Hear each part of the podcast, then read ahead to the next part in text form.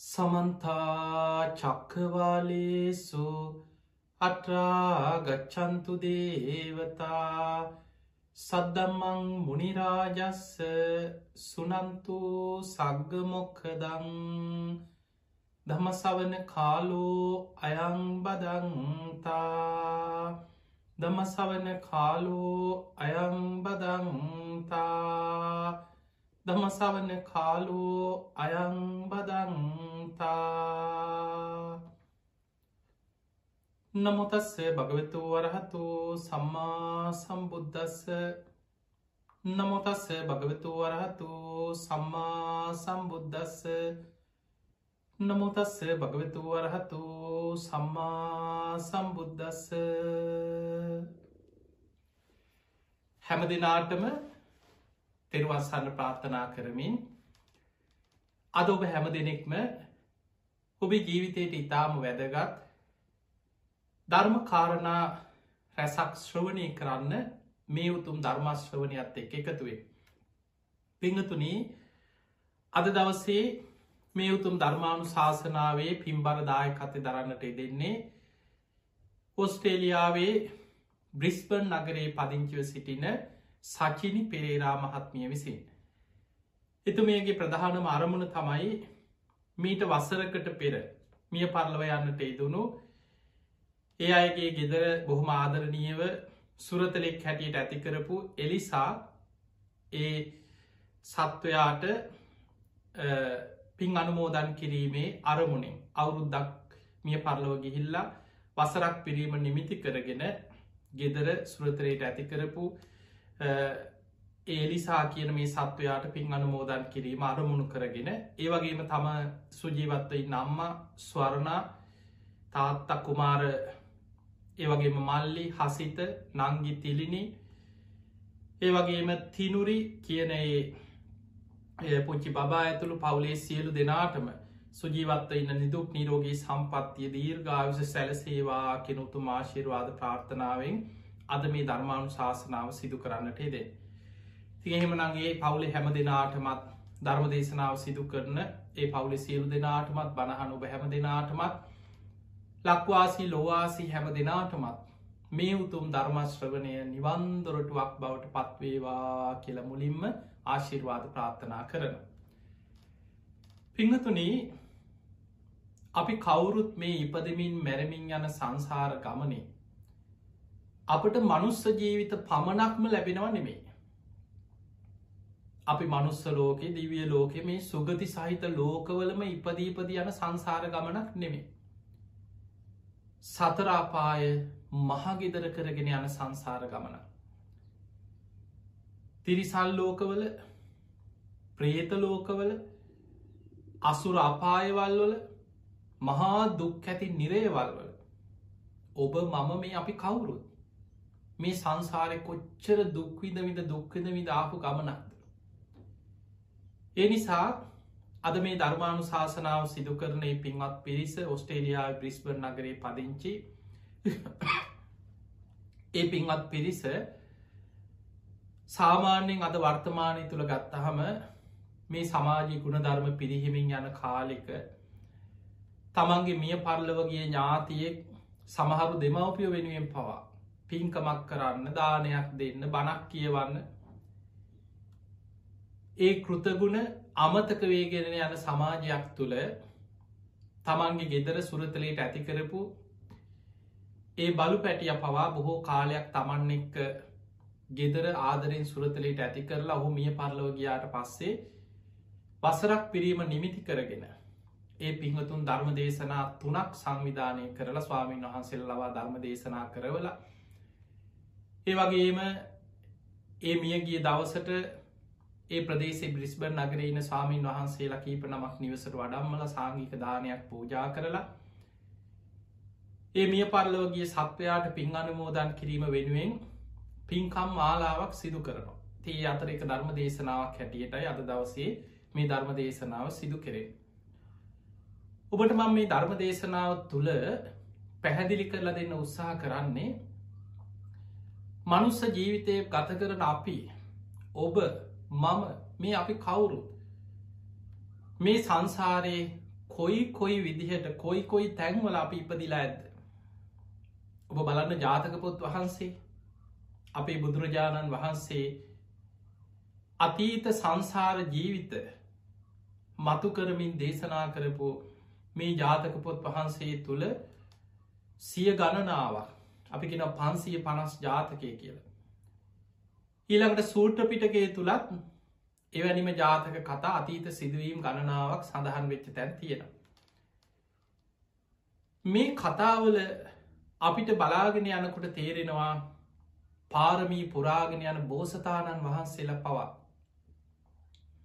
බුදුරජාණන් වහන්සේ නමකගේ විවරණාරගෙන මහණනි මේ මහා පින්වන්ත වීරියවන්ත කෙනා අනාගතයේ අසවල් කාලේ තව කල්ප ගානක් ගිය තැන ගෞතම නමින් සම්මා සම්බුද්ධත්වයට පත්වෙනවා කියලා බුදුවරුන්ගේ විවරණ අරගෙන සසර ගමනයන ගමනේ පවා යම් යම් මාත්ම භාවල තිරිසන් ලෝක ඉපදිච්ච සිදුවීන් අපිට ඕන තරන් ධර්මය මුණ ගැහෙන්. දැම් බලන්න වට්ටක පිරිත අපේ බෝසතාණන් වහන්සේ පුංචි වටුකුරුල්ලෙක් වෙලා ඉපදි චාත්මයක් ගැන කියවෙන්. එතකොටේ තිරිසංගත ආත්මයක් වටකුරුල්ලෙක් කියන්නේ. කුරුල්ලු කූඩුවක හිටපු පුංචි වටකුරුල්ලු පැටිය. හැබැයි මේ සසරි පාරමී පුරාගෙන යන මහා පින්වන්ත බෝධිසත්වයන් වහන්සේ නම. එදා විශාල ලැවගින්නක් පැතිරිලා මේ ලැවගින්න පැතිරීගෙන පැතිරීගෙන එනකොට බියෙන් තැතිගත් අනිත් කුරුල්ල ඔක්කෝම පියාමගෙන ගිය. මේ පුංචි වටකුරුල් පැටියට පියාම ගන්න අත්තටු පණ නැතාම කොඩි බිත්තර කටුවෙන් එලියට ඇවිල තාම ටික දවසයි කුරලු පැටියෙක් හැටියට.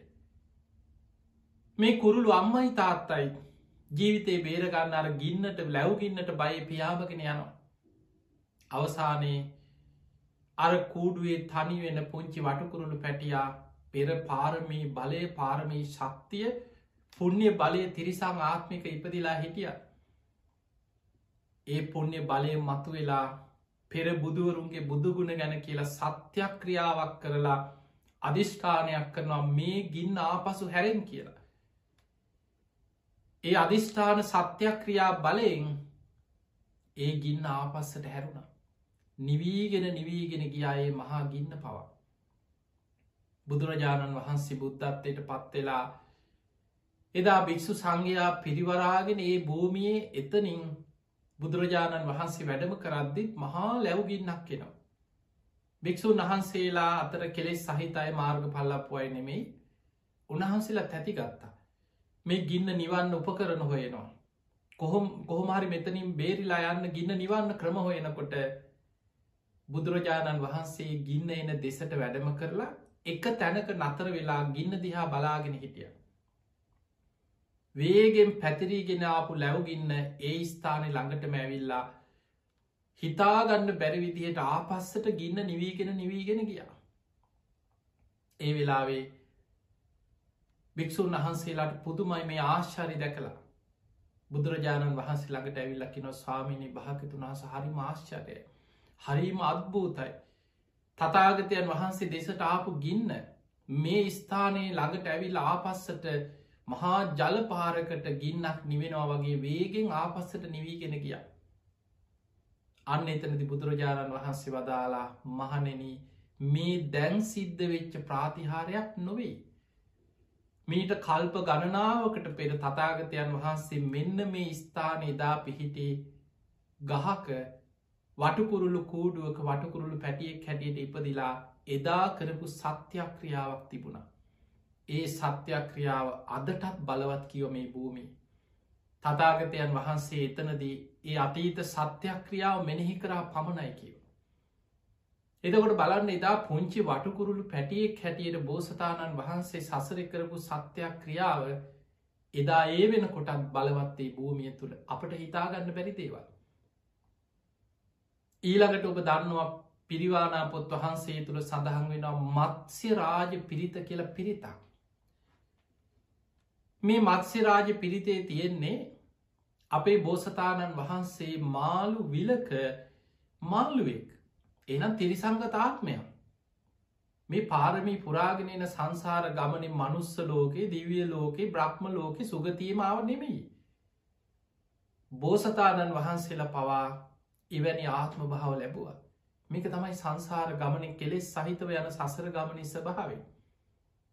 නමුත් සාමාන්‍ය සත්වයන්ට වඩා සසර පින් ඇති අය ගුණධර්මපුරපු අය ඒ සංසාර පුරුදු උපදින උපදින ආත්මවල අරගෙන යන. ඔබ බලන්න සමහර සත්තු දිහා බලපුහම. අපිට ඒ සත්වයන් තුළ යම් කිසි විසේ සත්වයන් අපි දකිනවා. දැම් බලන්න අලී ඇත්තු ඕන තරම් මේ ලෝක ඉන්නවා. හැබැයි ඔයාතර කරඩුව වඩම්මන මහා හස්තිරාජයන්ගේ වෙනසක් ඔබ දකිින් නැද්ද. රාජ හස්තියගේ ඉතිහාස ගැන ඔබ හොයිල බලන්න.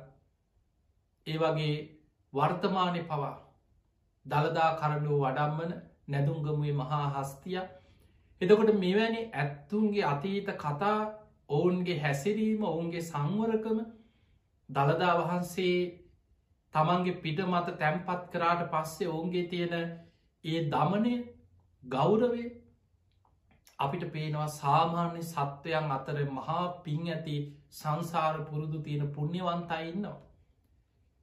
මේ මත්ස්‍ය රාජ පිරිත සඳහන්වෙන අපේ බෝසතාණන් වහන්සේ එදා ඒ විලක මාළු රංචුවක් අතර ප්‍රධානී. මේ සත්ත ලෝක හැම තැන මේ ප්‍රධානත්වයක් තියෙනවා. ඔබ බලන්න සාමාන්‍ය මී මැස්සි රංචුවක මී මැස්සි රැජිනක් ඉන්නවා.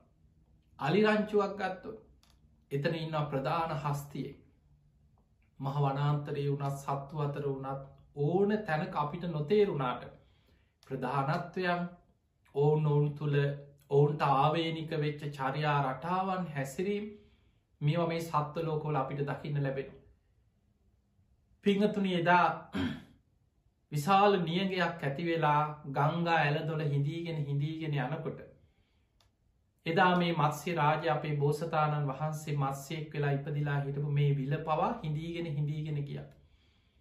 මේ විලේ හිටපු මාලුන්ට වතුර නෑ. විල හිදීගෙන යනකොට මේ මහා පින් ඇති සසර පාරමී පුරාගෙන යන බෝධි සත්වයන් වහන්සේ මත්ස්‍ය රාජයෙක් වෙලා හිටපු ආත්මේ. සත්‍යයක් ක්‍රියාවක් කරලා වැසි ඇද හැලෙන්න සැලැස්වා නියගි දුරුුණ. මේවා ත්‍රිපිටක පොත් හන්සේ තුළ අපේ ඉතිහාස සිදුවීම් තුළ සඳහන් වෙන ආශ්චරයවත් සිදුවී.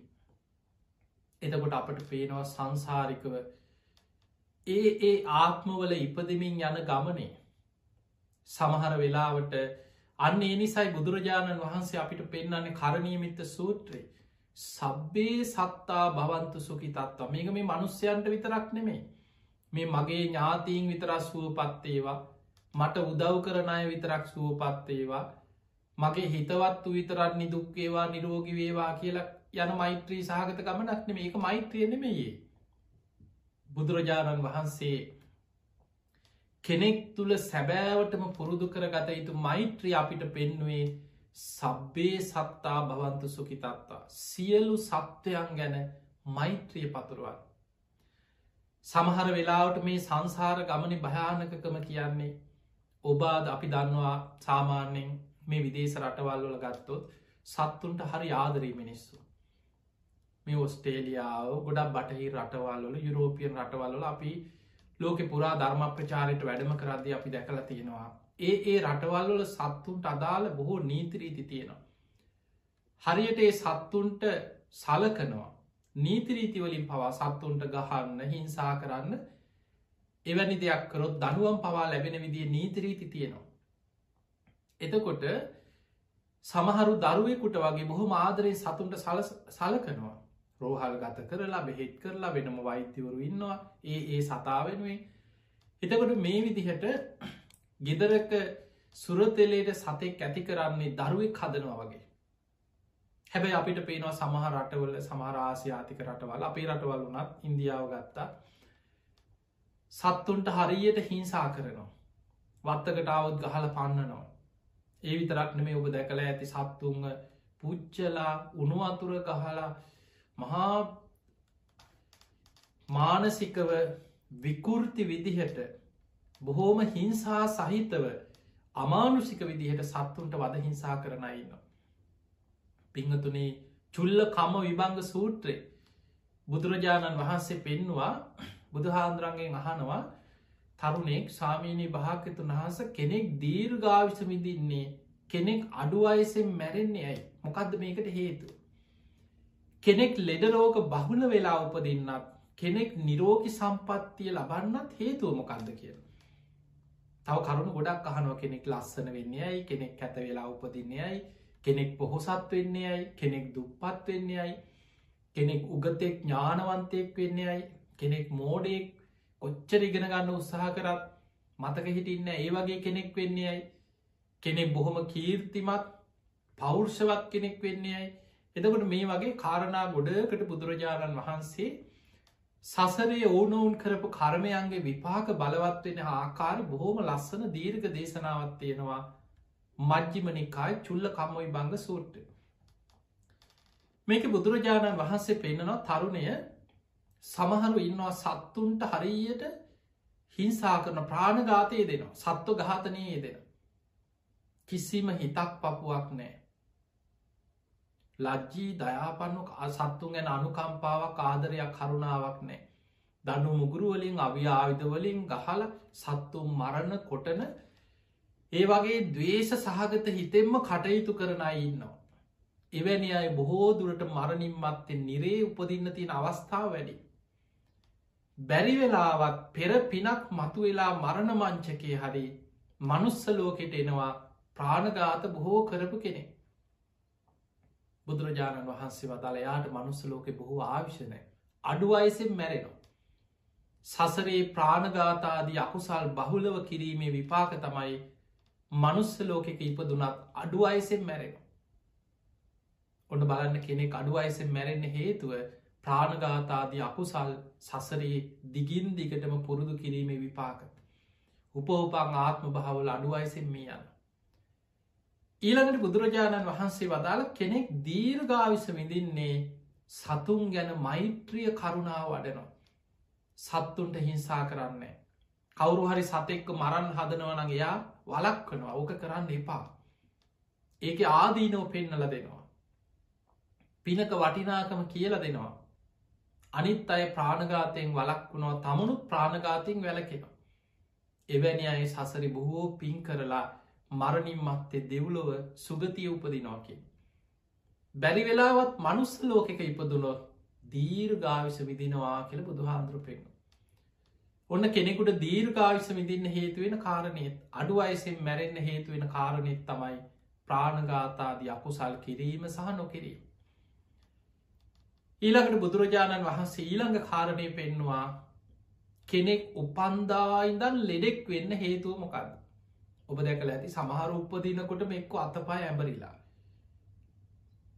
විකල් වෙලා ඇවිද ගන්න බෑ එක්කො විකෘතිය සමහරයින්න උපන් දායින ඉස්පිරිතාල ගානෙක්ක පපු හිලක් කියයි වකු අඩුවක ප්‍රශ්නයක් කියයි ඉපදිච්ච දවස ඉඳං ඉස්පිරිතාල ගානෙමයි ලෙඩ රෝග බහුලයි. බුදුරජාණන් වහන්සේ මේකට හේතුව විස්තර කරනවා කරමයට ගලපලා. සසරේ බොහෝ ආත්ම භාවල සතුන්ට හිංසා කිරීමේ විපාක කිය. සත්තු ගහනවා සත්තුන්ගේ අතපය කඩනවා පුංචි සත්තුවල්ලගෙන පියාමන සතෙක් නම් තටු කඩනවා කූමියෙක් වගේ නම් අල්ලගෙන අඩු කඩනවා. ඔබ දැකලේ සමහර පොඩියයි කුරුමිනිිය වගේ පුංචි සත්තුවල්ලගෙන කඩනවා. එතකොට මේ වගේ සමනැල්ලු අල්ලගෙන තටු ගලෝනවා මේවැ විපාකෙනවා එවැනි අය උපෝපාං ආත්ම භාවල අතපයි විකෘති වෙලා ඇවිදගන්න බැරුව නොඒක් ආබාධ ඇතු උපදිනවා. ලෙඩරෝග බහුලයි කියව උපන්දායිදන් ලෙඩ. සත්ව හිංසාාවේ සතුන්ට හිංසා කළ ගහල අතපය කඩල එවැනි සතුන් ගැන මෛත්‍රයක් කරුණාවක් නැතු නිතර සත්ව හිංසාවේ දිච්චාය උපෝපාං ආත්ම භාවල ලෙඩරෝග බහුලයි. එතකොට නිතර සත්තු මරපු අය අඩු ආවිසෙන් මැරෙනවා. නිතර සතුන්ට හිංසා කරපු අය උපන්දායිනල් ලෙඩරෝග බහුල අංගවිකල නොෙක් විකෘති ශරීර ඇති අය හැටියට උපදිනවා. ඊළඟට බුදුරජාණන් වහන්සේකෙම ඊළඟ කාරණය පෙන්වා මහනිනි සමහරු ඉන්නවා සත්තු මරන්නෙත් නෑ සතුන්ට හිංසා කරන්නෙත් නෑ. සත්තුන්ට ගහන්නේ වද හිංසා කරන්නේ කෙනෙක් සතෙකුට ගහනව දැක්කත් එක වලක් වනු එපා කිය. තමා උපමා කරගෙන හිතන පිංහතුනී තමා උපමා කරගෙන හිතන්න. අත්තානං උපමංකත්වා තමා උපමා කරගෙන හිතන් ඔබ කැමතිද ඔබට කවුරුත් ගහනවට? ඔබට උනුවතුරවක් කරනවට? ඔබට ගල්ලොලින් ගහනවට? පොළුවලින් ගහල ඔබෝ පන්නනවට කැමතිද? කවුරුත් කැමති නෑ. තමා උපමා කරගෙන හිතන් අන්න එහෙම හිතලා සත්ව හිංසාවෙන් වලකිනවා සතුන්ට බොහෝම ආදරයේ දක්වනවා මහනන එවැනි අය උපෝපං ආත්ම භාවල නිරෝගි සම්පත්තිය ලබනවා කියල බුදු හාන්දුරු පෙන්න්න. එහෙමනම් දීර්ගාවිස ලබන්න හේතුවෙන්නේ ප්‍රාණගාතයෙන් වැලකීම. නිරෝගි සම්පත්තිය ලබන්න හේතුවෙන්නේ සත්ව හිංසාවෙන් වැලකීම. සතෙකුට ගලකින්වත් ගහන්නේ නෑ. සතගේ හිතක් රිදෙන විදිහට සත්තුන් එලවන්නේ පන්නන්නේ නෑ. සතුන් ගැන මෛත්‍රීම් කරුණාවෙන් ආදරෙන් කටයුතු කර. දීර්ගාවිස විදින්නත් නිරෝගි සම්පත්තිය ලබන්නත් ඒ පින තමන්ට සසරේ උපකාර කරනවා. පිංහතුනි සමහර වෙලාවට මේ අපි කවුරුත් ඥාති සම්බන්ධතා මත ඉපද ඉපද යන සංසාර ගමනක් තියෙන්. අදෝබ ඔබේ වත්තට එන සාමාන්‍ය ලංකාය වගේ නම් අපි දකිනවා වත්තකට ගෙදරකට වගේ එන සතෙකුට ගහල පන්නනවා. සමහරලාවට ඔබ ගහලා පන්නන බැලලියක කුසේම ඔබ දරුවෙක් හැටියට බල් පැටියෙක් හැටියට උපදින්න පුළුවන්. ඒක තමයි සංසාරය හැටි. එවැනි භයානක සංසාර ගමනක් මේ තියෙන පිංහතුනේ ඔබ අහල ඇති මනිකාර කුළු පගතිස්ස කතාව කියලා මේ ජාතක පොත්තහන්සේතු දම පදිත්තේ නොමේ කතාව. දම පදේ රහතන් වහන්සේ නමකට. අර මැනික් කපන බාස් කෙනෙක්. මැනිකක් උපදාන රජ්ජුරුවන්ගේ මැනිකක් උපදාන ගෙනාපු වෙලාවේ එදා මේ සිදුවීම තියෙන්නේ ඒ නිවසේ භාරියාව බොහෝම සද්ධාවන්තයි. ඒ ගමට පින්ඩ පාති වැඩියා සාමීන් වහන්සේ නමක් උන්වහන්සේ ධර්මය අවබෝධ කරගත්ත රහතන් වහන්සේ නම ඒක දන්න මේ මිනිස්සු. ඒක දන්න උන්වහන්සේ. උන්වහන්සේ ගමට පින්ඩ පාති වඩිනවා. තින් අර උපාසකම්මා බොහෝම සද්ධාවෙන් නිතර උන්වහන්සේ වඩිනවා දැක්කහම දානි හදල පූජ කරන. එක්කො දානි සකස් කළ බලාගෙනන්න උන්හන්සේ වැඩියොත් පූජ කරනවා. ඔය ගෙදර ඇති කරා හුරතලේට කුරුල්ලෙක් කොස්වාලීනි. ගෙදර සුරතල සතෙක් හැටියට කුරුල්ලෙක් ඇති කරා කොස්වාලීනි. මේ සතා වනත් ගෙදර ඇති කරනකොට ගෙදර කන්න බොන්න දෙනකොට ගෙදර අයත් එක්ක ලෙංගතුකමෙන් ඉන්නකොට ඕනම කෙනෙකුගේ ස්වභාවය තමයි ඒ අය තුළ බැඳීමක් ඇතින සතෙකුට වුණත් එහෙම මනුස්සෙකුට වනත් එහෙම ඔබ බලන්න ඔබේ ජීවිතයේ සමහල්ලාට ඔබ ගෙදර හදපු බලු පැටියෙක් පූස් පැටියෙක් ලේනෙක් වෙන්න පුළුවන් කුරුල්ලෙක් වෙන්න පුළුවන්. ඔබේ සතාවට බොහොම ආදරයෙන් සලකනකොට කන්න බොන්න දෙනවා ආදරයෙන් සලකනවා නාවනවා ඔබ නොදැනීම මේ සතායෙක් ඔබේ හිත බැඳෙනවා. ඒ සත්‍යගේ හිතත් ඔබට බැඳෙනවා. එදකොට මේ කොස්වාලියනය අර ගෙදරයි තමයි දැන් යාගේ ජීවිතය බැඳිල හිටිය. ඔය අතර ගෙදර ස්වාමිය ටිකක් දරුණු ගොහම සැරපරුස කෙනෙක් රජ්ජුරුවන්ට ලැබෙන මැනික් උපදාන්නේ වන්නේ ඒ පුද්ගලයට ඔහු මැනික් උපදානක තමයි ඔහුගේ හැකියා. ඔය අතරේ දවසක් මේ රහතන් වහන්සේ පින්ඩ පාති වැඩපු වෙලාවේ ඒ වෙලාවෙ ගෙදර මස් වගේයක් ගෙනහල්ල මේ මස් කප කපා හිටිය මේ මනුස්්‍යය කුස්සි. අර ස්වාමීන් වහන්සේ පින්ඩ පාති වඩිනවා අර බිරිඳ දැකලා ඉක්මනට ගිහිල වන්දනා කරලා එලියෙන් පුටුවක් තියලා ආසනයක් පනුවලකිව ස්වාමීනී පුංචි වෙලාවක් ඔබහන්සේ මේ ආසනී වැඩයින්. දානටික සකස් කරනවා. මේ දානටික ඔබහන්සේට ඉක්මනින් අපි පිළිගන්නන්න පොඩි වෙලාවක් ඔබහස මෙතන වැඩඉන්න කියලා ආසනයක් පනවල උන්වහන්සේ දැන් ස්තෝපුයේ වැඩඉන්නවා. ඔය අතරේ රජ්ජුරුවන්ගේ රාජ බටයෙක් සේවකේ කාව මැනිකක් කරගෙන. ඇවිල්ල ගෙදරට ඇවිල්ලා කිව්ව මේ රජ්ජුරු මැනිකක් දුන්න ඔපදාල් රජ්ජුරුවන්ට මේ මැනික බාර දෙන්න. දැන් අර සේවකයා ගෙනහල්ල මැනික ගෙනල්ල ගෙදරට ගන්න ගෙදර මනුස්්‍යය පිළිකන්නේ මස් වගේයක් අප කප හිටිය අතේ ලේ තැවරිලා තිබ්බා. මේ මනුස එලියට ඇවිල්ල ලේ තැවරිච් අතෙන්ම අර මැනික් ගල අරගෙන මේ සෙව්ඩකින් තිබ්බ. තියලා ගිහිල්ල දැන් මනුසයක වැඩේ කරන පස්සෙ මම මේක උපදාලා යවන්නා කියලා. ඔය අතර අර ගෙදර ඇති කරන කොස්සා ලීනිය පියාමගෙන ඇවිල්ල මේසි වැැහවා. අර මස් ලේ තැවරිච්ච මේ මැනික් ගල මේ කොස්සාලීනිය කට තියලා අර ගල ගිල්ලා. අර ලේරහට මේක ඇස් දෙකින් දැක්කා අර ස්වාමීන් වහන්සේ දැක්කා. හැබැයි උන්වහන්සේ හේම දෑස් පියාගත්තා දැක්ක නමුත් නොදැක්ක වගේ උන්වහන්සේ වැඩ හිටිය. ඒකට හේතු මේක කිව්වොත් අර සතා මරනවා. උන්වහන්සේ ප්‍රාණගාතයකට අනුබල දුන්නේ උන්වහන්සේ සද්ධ නැතුව හිටිය. දැන් අර දාන ටික හදලා අවසන් වෙලා උන්වහන්සේට දානය පූජ කරන්න ගෙදර බිරිඳ සූදානන් වෙලා මේ අතර මනුස්්‍යයත්තාව අතෝදගෙන ඇවිල්ල මැනික ගන්න බලනකොට මැනික නෑ වටපිට බැලුව කවුරුත් ගෙදර නෑ මේ සාලේ ස්තෝපුය වැඩ ඉන්නේ මේ ස්වාමීන් වහන්සේ. මේ හාමුදුරුව මේ හොරකං කරන්න ඇති කියල මේ මනුස්්‍යය හිතුව. හිතලාර හාමුදුර ළඟට ඇවිල්ල කිව ස්වාමීනී මං මේ මේස උඩින් මැනික් ගලක් තිබ්බා. ඔබහන්සේ දකිින් නැති දැන්ටිකට කලින් කෙනෙක් ඇවිල්ල මට දුන්න. කෝ මැනික් ගල කියලැහු මේ සාමීන් වහන්සේ දෑස් පියාගෙන උන්වහන්සේ නිහඬෝ වැඩ සිටිය. පච්චනයක් හත් කිව්විනේ දෙවනි පාර බොහොම සැර විදිහට අඩිය හප්පල සැරෙන් ඇහුව කෝ මගේ මැනික කෝ මෙතන තිබ්බ මැනික කිය ඒත් උන්වහන්සේ බොහෝම නිහඬව හිටිය. තුන්ගනි පාර දත්මිටි කාල ඇහුවත් දෙනවද නැද්ද මං ගන්නද මැනික කිය බ තමයි මේක හොරකංකරය කියලා අනේ අර රහතන් වහන්සේට දැන් නින්දා කරලා සැර කරලා එහෙම ගේ ඇතුළට ගිහිල්ලත් කබයක් අරගෙනාව ඇවිල්ලා බිරිඳ අනේ පායි පාක අද්දි බිරිඳවත් අල්ලු කරලා අර කබේ අර රහතන් වහන්සේගේ හිස වටේ වෙලලා අත් දෙකෙන් කිට්ටි කිටි ගාල හිර කරලා කිව කියාපං ඇත්ත කිව. මගේ මැනික කෝක් මැනික කීව. උන්වහන්සේ දෑස් පියාගන්න ධර්මය මෙනෙහි කරා. අර හිස කඹෙන් හිර කරනකොට නහයෙන් උන්වහන්සේගේ ලේ පහලට පැන්න. ඇස්වලින් නහයින් ලේ පැන්න.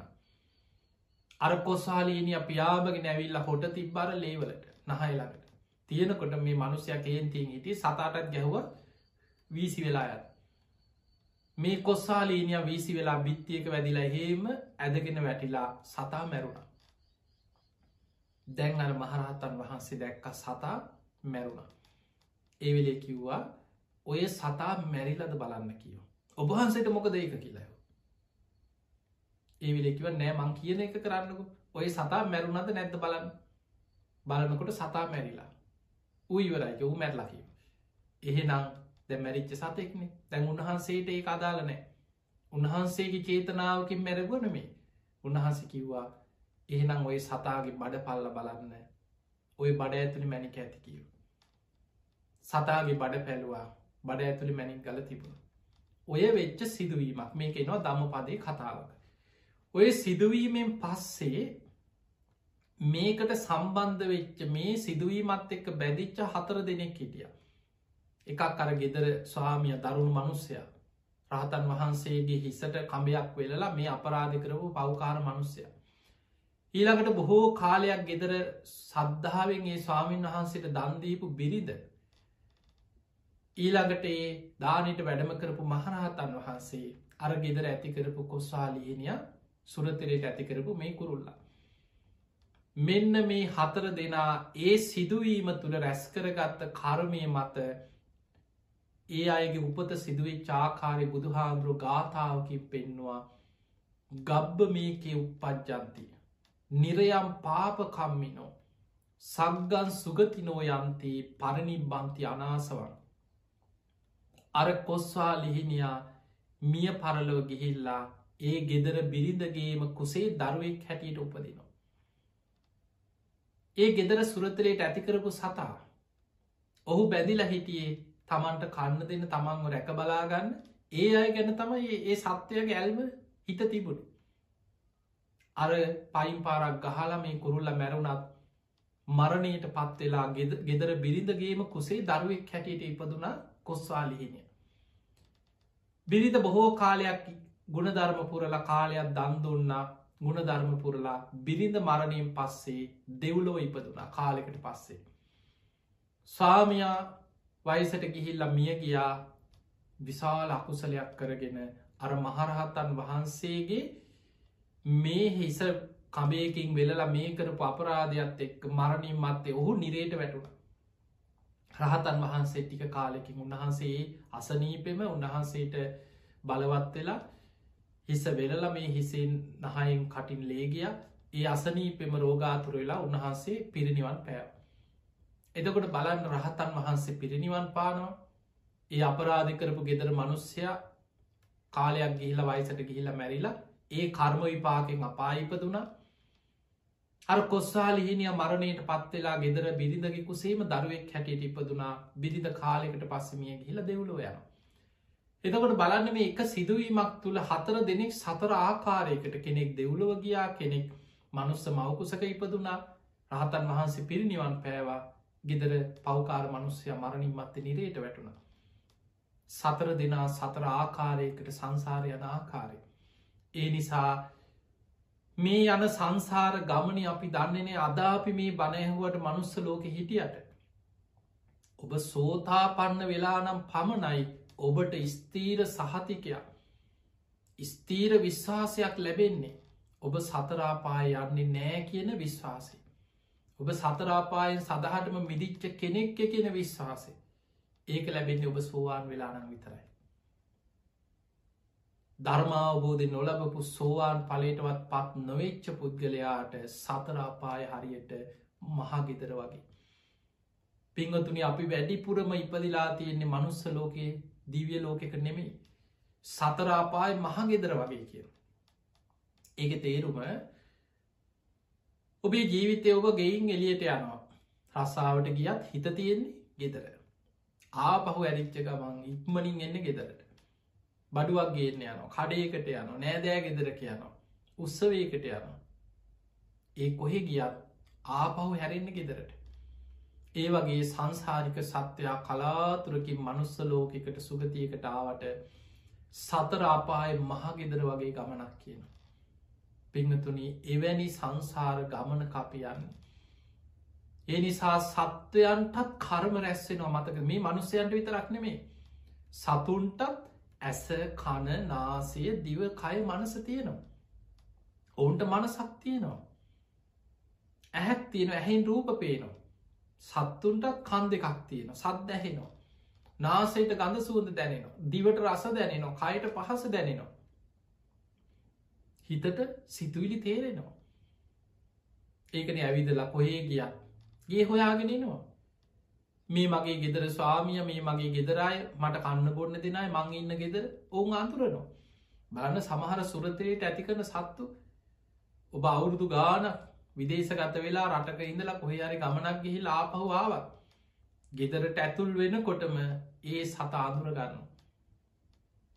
කොච්චර ආදරෙන් තමන් වටා දංගලලා තමන්ගේ ඇඟට පැනලා ඒ තමන්ගේ හිතවත්කම මේ සත්වයා පෙන්නනවා. ඒ සතුන්ට කෙනෙක් අදුනා ගැනීමේ හැකියාව ඒ සියල්ල තියෙනවා. එහෙම නං ඒ ඒ සත්වයත් ඒ ඒ සත්තුලෝකොල හැම වෙලාම ඔහුට කර්ම රැස්වෙන චේතනා පහළ වෙනවා.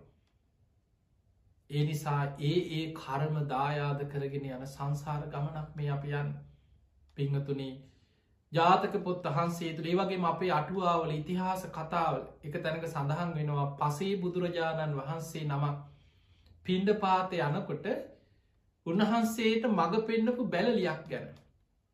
එතකොට මේ බැලලි පසේ බුදුරජාණන් වහන්සේ වඩිනකොට ඉදිරියෙන් යනවා. උන්වහන්සේට ඉදිරියට ගිහිල්ලා අර ගෙවල්වල දානි දෙන මිනිස්සුන්ට ඉදිරියෙන් ගිහිල්ල කෑ ගහලා බුරල අරා ඒ අයට දැනුම් දෙනවා මෙන්න සාමීන් වහන්සේ වඩිනවා කියලා. මිනිස්සුන්ට සංඥාවක් දෙනවා. මේ විදිහට ඒ පසේ බුදුරජාණන් වහන්සේ හැමදාම ඒ කුටියෙන් ගමට වැඩම කරලා කැලින් එලියට ඇවිල්ලා උන්හන්සේ එලියට එනකං එතනට වෙලා ඉන්න. උන්හන්ස පින්ඩ පාත යනකොට උන්හන්සේට ඉදිරියෙන් ගිහිල් අර මිනිස්සු හැමෝටම දැනෙන විදිහට පණවිඩේ දෙනවා. ඒ පිනෙන් මරණින් මත්තේ තිරිසං ආත්මෙන් චුත්ත වෙලා මැරුණට පස්සේ දෙව්ලව උපදින. එවැනි සිදුවීන් අපිට අපේ ජාතක පොත් වහන්සේ තුළ ඉතිහාස කතා තුළ ධර්ම ග්‍රන්ථවල අපට ඕන තරම් මුණ ගැහෙන්. ඒ නිසා පිංහතුනේ සත්‍යයන් ගැන මෛත්‍රී සිත පුරුදු කරන්න. පිනාතර අග්‍රම පින තමයි මෛත්‍රිය. බලන්න බුදුරජාණන් වහන්සේ කරණීමෙත්ත සූත්‍රය අපිට පෙන්නවා දීගාවා දීර්ග ශරීර ඇති සත්වයෝ. මහන්තාවා මහත ශරීර ඇති සත්තු ඉන්න. මජ්ජිමාවා මධ්‍යයෙන් ප්‍රමාණ ශරීර ඇති සත්ව ඉන්න. රස්ස කුඩා සත්තු ඉන්න. අනුක ඇහැට නොපෙනෙන තරම් සියුම් සත්තු ඉන්න. තූලාවා වටකුරු හැඩෙන් යුත්ත සත්තු ඉන්න. මේ හැම සත්වයක් ගැනම හිතන්න කියනවා සබ්බේ සත්තා බවන්තු සුකිතත්වා. මේ සෑම සත්වයෙක්ම සුවපත්තේවා සුවපත්තේවා කියල හිතන්න කියන. මෛත්‍රී වඩන්නේ සියලු සත්වයට සුවපත්තේවා කියල.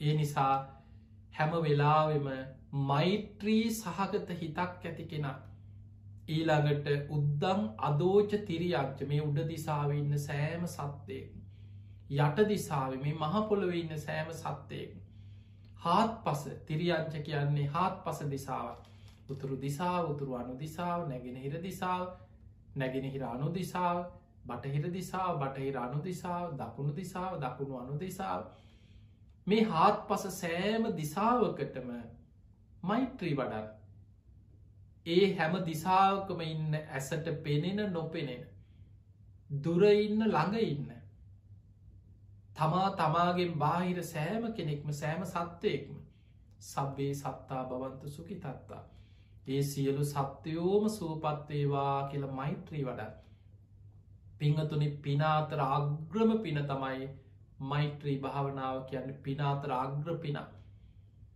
ඊළඟට බහල ඇති බුද්ධ ශාසනය තුළ සඳහන් වෙනවා ඔය තෝදේය සිටුවරයා ගැන අපුත්තක සිටුවරයා ගැන. ඔය සිටුවර ගැන කතා වෙනකොට එක තැනක සඳහන්ගෙන තෝදේය සිටුවරයා. ඔහු මිය පරලව ගිහිල්ලා ඒ සිටු නිවසෙම බලු පැටි එක් වෙලා ඉපදිච්ච සිදුවීම. අවසානයේ ඔහුගේ පුතා මේක පිළිගන්නේ මිනිස් ඇවිල්ල බුදුරජාණන් වහන්සේගේ විමසනවා. ස්වාමීනි අර සිටුවරයා කොහිද ඉපදුනේ? බුදු හාන්දුරු පළවෙනි වතාය පිළිතුරු දෙන්නේ නැවත නැවතහනවා බුදුරජාණන් වහන්සේගේ ස්භාවේ තමයි තුන් වතාවක් විමසද්දී තුන්ගනි වතායි බුදු හාන්දුරු පිළිතුරු දෙනවා. බුදුරජාණන් වහන්සේ වදාළ මේ සිටුවරයා මේ ගිහිල්ලා ඒ සිටු නිවසි බලු පැටියෙක් වෙලා දැඟින්නවාකිව ඉපදිලා. මේක දැනගත්ත මිනිස්සු තැන්තැන්වල මේ කතාව කියාගෙන ගියා. අන්න අර මහලුකු සිටුවරය අන්න ගෙදරම ඉන්නලු දැන් බලු පැටියෙක් වෙලා කියලා මිනිස්සු මේක අවඥ්ඥාවෙන් කියාගෙන ගිය. මේ පණවිඩේ ඔහුගේ පුතාට දැනගත්තර පස්සේ ඔහුට ටිකක් මාන්‍යත් එක්ක ලැජ්ජාවක් ඇති වුණ. අපේ සිටුතුමා අපේ පියතුමා මංගෝ කහගන්නක බුදුහාමුදුරන්ගෙන්ම ගිහිල්ල කියලා ඔහු ආව බුදුරජාණන් වහන්සේ මුණ ගැහෙ. හැබැයි බුදුහාමුදුරුව දකිනකොට ඒ හිතේ තිබිච්චේ අදහස් එහෙමම නැතුව හිත සංසිදුන තැන්පත් වුණ. බුද්ධ දර්ශනය පවා කෙනෙකුගේ හිත නිවනවා. ඒම බුදුහාමුදුරන්ට බොහෝම ගෞරුවෙන් වන්දනා කළ. එකත් පසකින් වාඩි වෙලා ඔහු තමයි බුදුරජාණන් වහන්සේකින් විමසන්නේ ස්වාමීනි භාගතුන් වහන්ස. මට ප්‍රශ්නයක් තියෙනවා. මේ ලෝකයේ සමහරු දීර්ඝායශ විදිනවා සමහරු අඩු අයිසෙන් මැරෙනවා. සමහරුන්ට ලෙඩරෝග බහුලයි. සමහරු නිරෝගි සම්පත්තියෙන් යුක්තයි. කෙනෙක් කරී ලස්සනයි. කෙනෙක් කැතයි. කෙනෙක් පෞරුෂවත්. කෙනෙකුට එහෙම තැනකට ගියාට පිළිගැනීමක් පෞරුෂයක් නෑ. කෙනෙකුට පරිවාර සම්පත්තිය පිරිස් බලයඉන්න කෙනෙකුට එහෙම කාත් කවරුත් නෑ කොච්චර උදව් කරත් මිනිස්සුන්ට. මිනිස්සු යාට උදව් කරන්න කෙනෙක් හරි උගත් බුද්ධිමත්. කෙනෙක් නෝගත්. කෙනෙක් කුලවන්තයි. කෙනෙක් කුල හීනයි. මේ විදිහට සමාජය තුළ මිනිස්සු අතර තින උස්පාත්කම් මොනවද කියලා ඔහු තමයි බුදු හාන්දුරන්ගෙන් ඔය චුල්ල කම ඉබංග සූට්‍රයට හේතුවෙච්ච කාරණය පවා විමසන් තින් ඔහුට ඊට කලින් බුදු හාමුදුරුව ඔහු අහපු ප්‍රශ්නයට බුදුරජාණන් වහන්සේම ඔහුටම ඒ ගෙදර ඉන්න බලකුක්කා ඇත්තටම ඒ මිය පරලව ගිය සිටුවර අද නැද්ද කියලා හොයාගන්න බුදුරජාණන් වහන්සේ උපක්‍රමයක් කිව ඒ පියතුමා ඉන්න කාලේ ආස කරන විදිහ කිරි බතක් හදල මේ සතාට කන්න දීලා ඔහුට නින්දයාගෙන එනකොට හිසාත ගාල අහන්න කීව සිටුතුමනේ. සිටුතුමා කෝටි ගානක කහවනු මටත් දැනුන් නොදී යම් තැනක සඟවල තියෙනවා. ඒ සඟවපු කහවන කොහෙද තියෙන්නේ කියල මේ බල පැටියගෙන් අහන්න කියව එතකොට ඔබට මෝක ඇත්ත නැත්ත හොයාගන්න පුළුවන් කිය ඒ විදිහටම මේ කාරණය අර සිටු පුට්‍රය ගිහි ලහපු වෙලාවේ අර බලු පැටියට කන්නදී ලාදරෙන් හිසාත කාලන්න නාවල නින්දයාගෙන එනකොට ඔළු අත ගාල අහනකොට මේ සතා එහෙම ගිහිල වත්ත කිරෝලකට ගිහිල්ලා අදකෙන් බිම පහුරු ගෑව. එතන හාරල බල්ලකොට කෝටි ගානක කහවනු කබඩාවක් අහුන. එතකොට මේ සිදුවීම් වලින් අපිට පේන්නේ මනුස්්‍යයෝ පවා මිය පරලෝ ගිහිල්ලා සත්තු අතර උපදිනවා. සමහර වෙලාවට අපේ මේ ජීවිතයේ නොවනත් පෙර සංසාර ජීවිතේ අපේ හිතවතේ යාල්ුවෙක් ආදරෙන් හිටපු කෙනෙක් ඥාතිවරේ සහෝදරේ යම් කිසි ඥාති සම්බන්ධයක් ඇති කෙනෙක් වෙන්න පුළුවන් අපේ ජීවිතය අපි ඒ තරම් බැඳෙන අපි ළඟට එන ඒ සත්‍යය පවා. සංසාර සම්බන්ධතා සසර බැදී මේ සංසාර ගමන හරි පුදුමයි. අපිට හිතාගන්න බැරි මහ භයානක සංසාර ගමනක යන්නේ. ඒ වගේ මයි සතුම් මිය පරලෝගීල මිනිස් වතර උපදිනවා. දැම් බලන්න අර කොස්සා ලිහිනිය ඒ ගෙදරම සුරත්තලේට ඇතිකරපු ඒ කොස්සා ලිහිනියා ඒ ගෙදරම බිරිඳගේ කුසේ දරුවෙක් හැටියට ඉපදුනා. එනිසා මේ යන සංසාර ගමනේ මනුස්ස ලෝකවල දිවිය ලෝකවල සුගතිය විතරක් අපි යන ගමනක් නෙමේ අපි කැමති විදියට යන්න පුළුවන් ගමනක් නෙමේ කරමය දායාද කරගෙන. කම්ම දායාදෝ කම්ම යෝනී කම්ම බන්ධූ කම්ම පටිසරනෝ යංකම්මං කරිස්සාමි කල්්‍යයානංවා පාපකංවා තස්ස දායාදෝ. තමන් යම් කර්මයක් සසරි රැස් කරාද ඒ කර්මය දායාද කරගෙන යන සංසාර ගමන. ඒ කර්මය උපත්තිය කරගෙන යන ගමන. ඒ කර්මය ඥාතියා කරගෙන යන ගමන. කර්මය පිළිසරණ කරගෙන යන ගමන. යමක් වපුරනවද වපුරණ දේ තමයි සසරි අපිට දෑවැත්ත හැටියට ලැබෙන්. ඒ නිසා හැම වෙලාම කර්මය ගැන හිතර. පිංවතුනි සතුන් අතර වුණ මේ කර්මය වෙනස්කම් බලන්න සසරේ සිල් රැකීම ගැන යම් කිසි සීලේ ප්‍රශ්නයක් තිබිලා හරියට සිල් රැකගන්න බැරිවෙච්චාය තිරිසං ආත්ම භාවල උපදිනවා. හැබැයි සසරේ දන්දීලා ගොඩා පින් කරගත්තාඉන්න. ඒ අයි තිරිසල් ලෝක ඉපදුනත් බොහෝ පින් ඇති අය ළඟ උපදිනවා.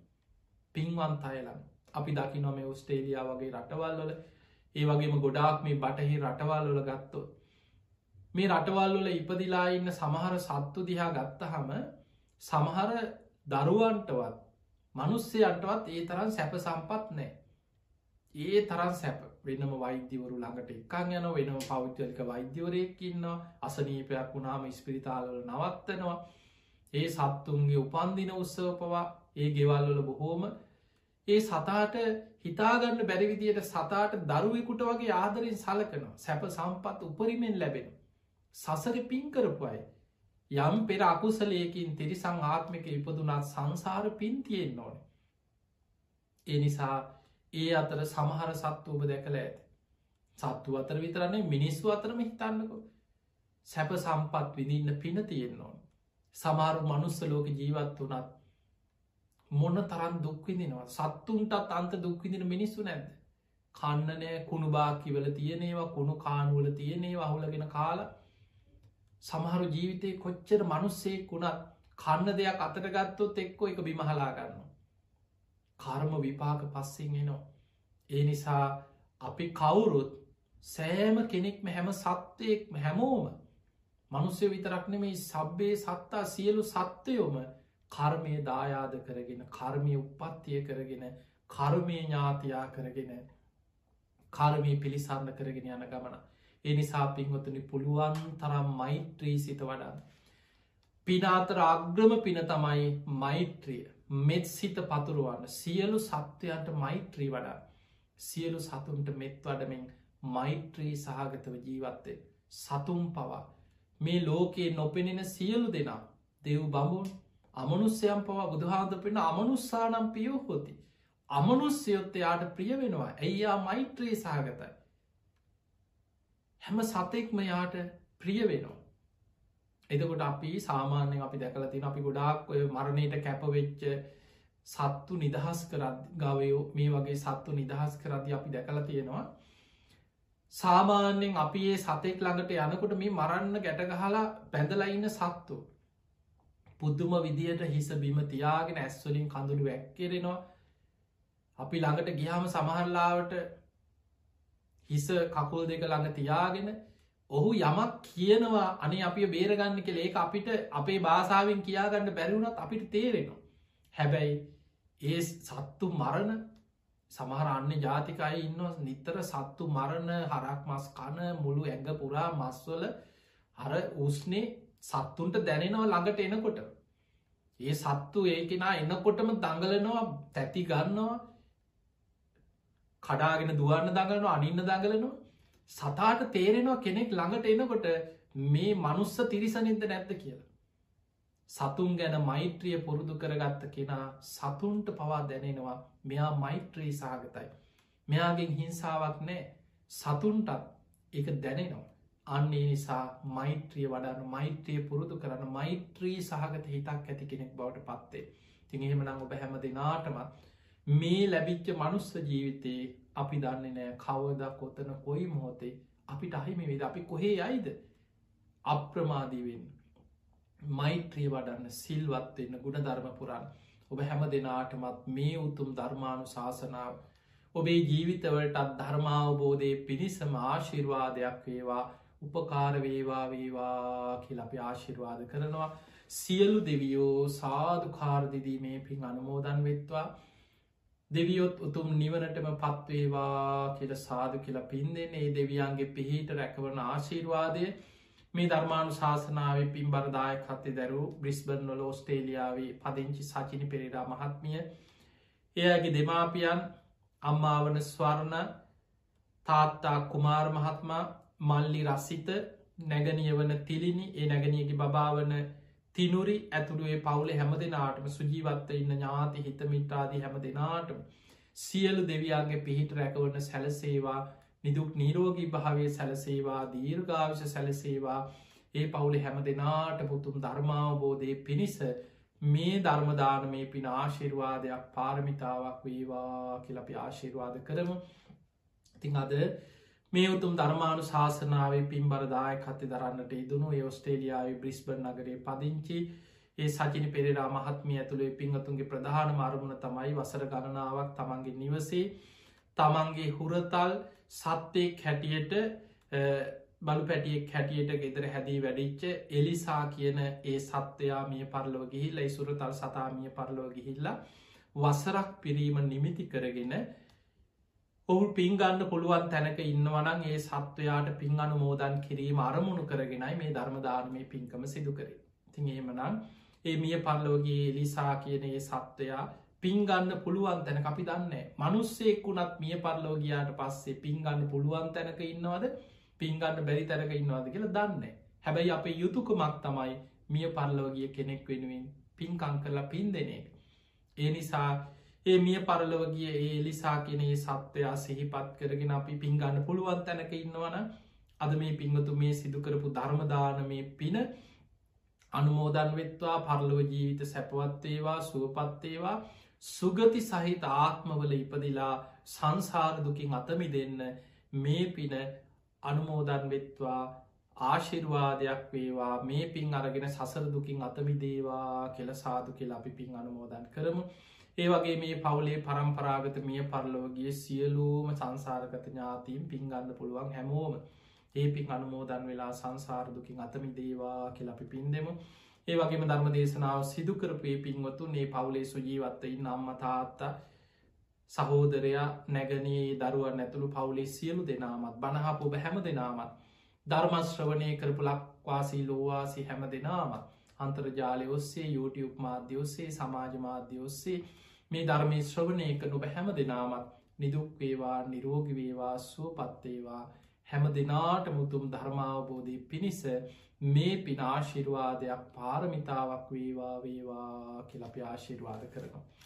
ආකා සට්ඨාච බුම්මට්ඨා දේවානාගා මහිද්දිකා පුඤ්ඥන්තන් අනුමෝදිත්වා. චිරන්රක් කන්තුලෝක ශාසනං ආකා සට්ඨාච බුම්මට්ඨා දේවානාගා මහිද්දිකා පුඤ්ඥන්තන් අනුමෝදිත්වා චිරන්රක්කන්තු දේශනං ආකා සට්ඨාච බුම්මට්ඨා දේවානාගා මහිද්දිකා පුඤ්ඥන්තන් අනුමෝදිත්වා චිරන්රක්කන්තුතුවං සදා හැම දෙනාටම සම්මා සම්බුදු සරණයි.